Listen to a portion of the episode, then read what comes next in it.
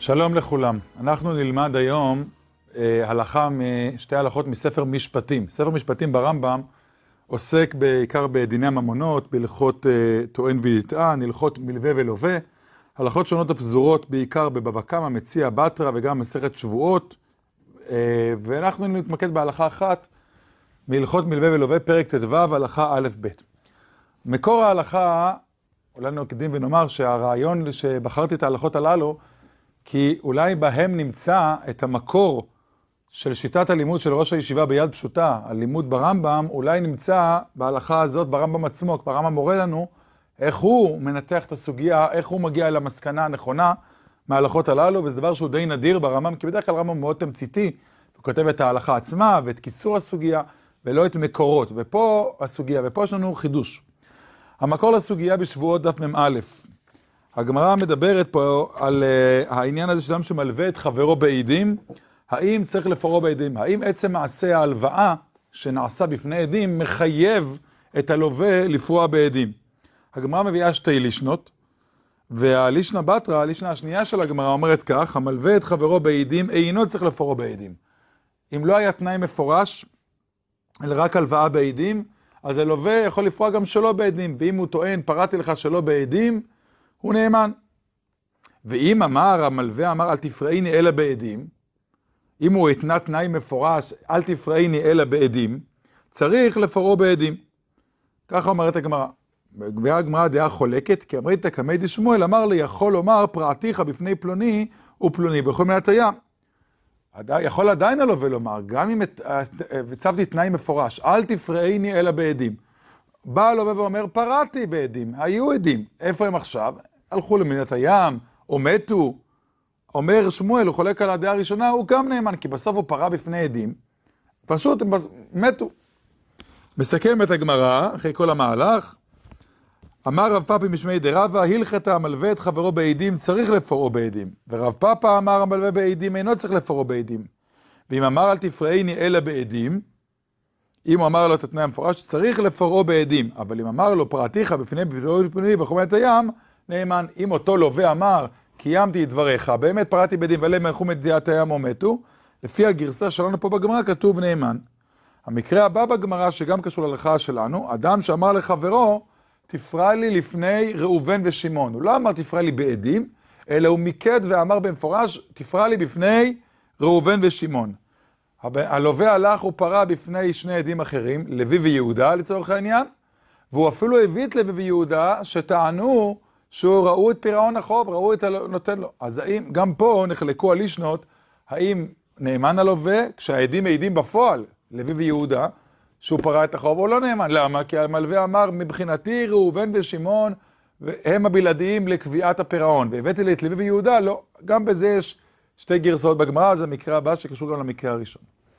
הרמב"ם, שפוסק את ההלכה, אומר כך, מלווה ולווה ט"ו א', המלווה את חברו בעדים, ואמר לו, אל תפרעני אלא בעדים, זה צריך לפרעו בעדים פני התנאי. ברור שברגע שהתנינו תנאי, צריך לקיים את התנאי, וצריך לפרוע בעדים. טען הלווה ואמר, ועשיתי ופרעתי בפני פלוני ופלוני, והלכו מליאת הים ומתו, הרי זה נאמן. הרמב"ם כלומר גרסה שאומרת באמת שאם הוא טען הלווה, פרעתי בפני עדים ומתו, אז הוא נאמן. אין בעיה, כמובן שאם הלווה יטען פרעתי בלי עדים, הוא לא נאמן, אבל אם הוא אמר קיימתי את תנאך ופרעתי בעדים ומתו, הרי נאמן. וכן, מוסיף הרמב"ם דוגמה, אם אל תפרעיני לפני תלמידי חכמים, או בפני רופאים, דבר מעניין, אין לזה מקור לרופאים, הרמב"ם מוסיף את זה מעצמו, או בפני רופאים, ואמר לו בפניהם פרעתיך, ואותם העדים מתו חמת הים נאמן, אותו עיקרון. גם אומר, תפרע לי בפני אנש, אה, קבוצה מסוימת, והוא אומר לו, ועשיתי את זה, ואותם אנשים, אותם רופאים, אותם דרך חכמים, מתו, הרי נאמן. אבל אם אמר לו, אל תפרעין אלא בפני פלוני ופלוני, אם הוא אמר את המקרה השני, הוא אומר, המקרה השני, אמר לו, תפרע לי בפני ראובן ושמעון. ואמר לו, פרעתיך בפני אחרים ומתו על חומת הים. אמר לו, פרעתי לפני לוי ויהודה ומתו. פה הוא לא נאמן, כי פני טענה זו אתנה עליו. הוא במפורש אמר, תפרע לי בפני ראובן ושמעון. עכשיו הלווה אומר, פרעתי לפני לוי ויהודה והם לא כאן, זה לא עובד. אבל, מדגיש הרמב"ם, שאם באמת, כמובן, יבואו לוי ויהודה, ודאי הם, וידעו בפועל שהוא פרע, ודאי הם נאמנים, כי הם שני עדים. עכשיו בא הרמב"ם להסבר של למה הוא פסק את הגרסאות הללו. למה הוא הלך לשיטה הזו? אומר, הרמב, אומר הרמב"ם, יש נוסחאות מן התלמוד. היה נוסחאות שכתוב בה, אומר על חברו אל תפרעני אלא בעדים. ואמר לו פרעתיך בפני פלוני ופלוני באוכלת הים, אינו נאמן. היה גרסה, זה גם מופיע בגמות שלנו גם, שכשאתה אומר תפרע לי בעדים, והוא עונה לו פרעתי ואמתו, הלווה לא נאמן. היה גרסה, וכך גם פסק הריף והרים ייגש, שהוא לא נאמן הלווה, לפי אה, רבותיו של הרמב"ם. ואומר הרמב"ם על זה בטעות סופרימי. ולפי כך טעו המורים על פי הספרים, זה טעות. ועכשיו יש פה באמת נוסח מעניין. וכבר חקרתי לנוסחאות הישנות, ומצאתי בהם כתוב נאמן. והגיע לידי במצרים מקצת תלמוד ישן, כתוב על הגבילים, כמו שהיו כותבים 500 שנה, ושתי נוסחאות מצאתי מהגבילים, וכתוב בשניהם, ויאמר פרעתיך לפני פלוני ופלוני, והלכו מדינת הים נאמן. זאת אומרת, הרמב"ם היה לו חשוב לבדוק את הגיר... חיפש בגבילים, גם הגיע לידו, מעניין, גביל 500 שנה, זה אה, אה, של נוסח גמרא, זה מעניין שיש כבר גביל 500 שנה קודם לרמב"ם, שכבר נכתב, חלק מהתלמוד נכתב, וכתוב נאמן, זו הגרסה הנכונה ולא אינו נאמן. ולכן אומר, הוא היה לו חשוב לבדוק את זה, והוא בדק ומצא שהנוסחה האמיתית היא נאמן. ומפני טעות זו שהראה למקצת הספרים, הורו מקצת הגאונים, אל תפרעי לפני פלוני ופלוני, ופרעו בפני אחרים שאינו נאמן. וגם זו טעות גדולה, והדין האמת שבאו עדים נפטר. בגלל הטעות לשיטתו של הרמב"ם, שגרסו הגאונים והרי מגש והריף, אה, אה, אינו נאמן, זה הוליד טעות נוספת במקרה השני של הגמרא. שאם הוא אמר לו אל תפרע לי אלה בפני ראובן ושמעון, והבן אדם הלווה הביא את לוי ויהודה שהעידו בפועל, הם באו, הוא פרע את החוב. אומרים הריב והרים ייגש, הוא לא נאמן, כי הוא אמר לו ראובן ושמעון. אומר הרמב"ם זה גם טעות, ודאי הם נאמנים. הרי הבן אדם הביא שני עדים כשרים, גם אם זה לא מה שהמלווה אמר ראובן ושמעון, בסוף הוא הביא בפועל שני עדים שטענו על פירעון החוב, ודאי ששני עדים נאמנים תמיד. אם הוא היה אומר הלווה, פרעתי בפני לוי ויהודה, ודאי שזה שום דבר. אבל אם הוא הביא אותם בפועל, אומר הרמב"ם, ודאי שהם נאמנים. גם ההוראה הזו על פי ספריהם, שכתוב פרעתי בפני שלא הלכות, ופרעו בפני עדים, וזה טעות ספרים, ספרימי. אז גם זה טעות ספרים, וגם פה הוא מוצא בגבילים שהנוסח הנכון הוא אחר. ולכן אומר הרמב"ם, אבל פי שהספרים מאוגרים, כמו שאמרנו, כך יהיה גם בדרך התלמוד. עכשיו עובר הרמב"ם, חוץ מהגרסאות הנכונות שהוא הגיע אליהן, לשיטתו, אומר, מה הניע אותו לחפש את הגרסה? ועוד דברים של דעתן, יש פה סברה חזקה, סברה יצוקה. וכי מה היה לו לעשות? אמר לו, אל תפרעני אלא בפני עדים, פרעו בעדים, וכי יש לו לאסור העדים בבית סוהר כל חייהם שלא ילכו? ועוד אם מתו, מה יעשו? נמצא זה פורע פעם אחר פעם, עד שיביא עדים. אם כן, הוא נעשה זו מלווה בעדות בשטר. מה, מה יעשה בן אדם? המלווה אתנה אל תפרעיני אלא בעדים. הרי כל עדים, כל עדי פירעון, מתישהו, הם ימותו. מה הוא יכול לעשות?